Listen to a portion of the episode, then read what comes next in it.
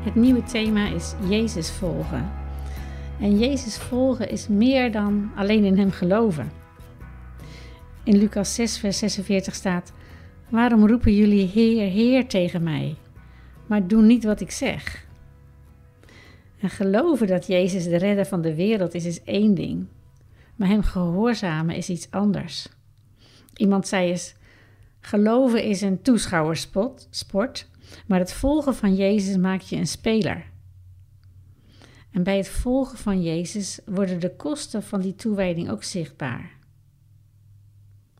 Er zijn mensen die toegetreden zijn tot het leger van Christus, maar niet bereid zijn om zijn orders op te volgen.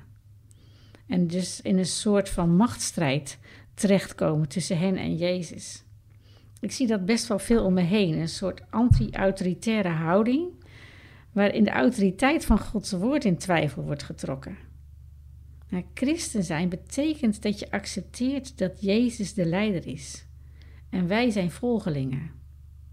Geen monddode volgelingen, maar mensen die aan het eind van elke vraag Jezus het voordeel van de twijfel geven. Als christen kan je niet reden twisten met Jezus, of liever, dat kun je wel proberen, maar dat verlies je altijd. Hij is rechtvaardig in alles wat hij doet. En als we dat niet aanvaarden, dan kan er geen oprecht volgen zijn. Dus laten we ophouden met het passief-agressieve gedrag, het ondermijnende gedrag waarin Jezus goedheid en waarheid in twijfel wordt getrokken. En erkennen dat als Jezus geen Heer over allen is, dat Hij dan helemaal geen Heer is. Dan kan je vragen: mag je dan geen twijfel hebben, geen oprechte vragen of je diep ongelukkig voelen, omdat er tragedies in je leven gebeuren?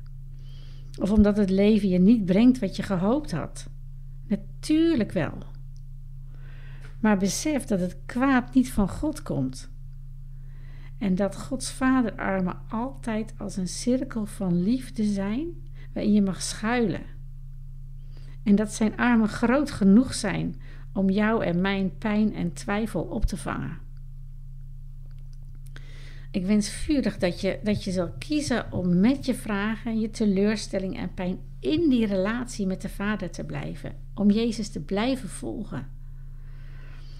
Eerder dan Hem de rug toe te keren en je eigen pad te gaan. Kies om Hem te volgen, want Hij is altijd goed.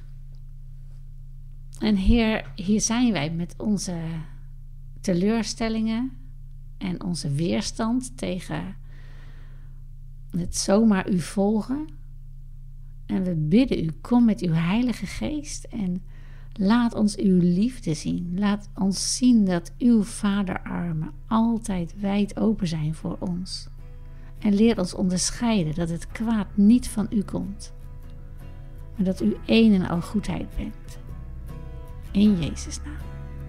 Amen.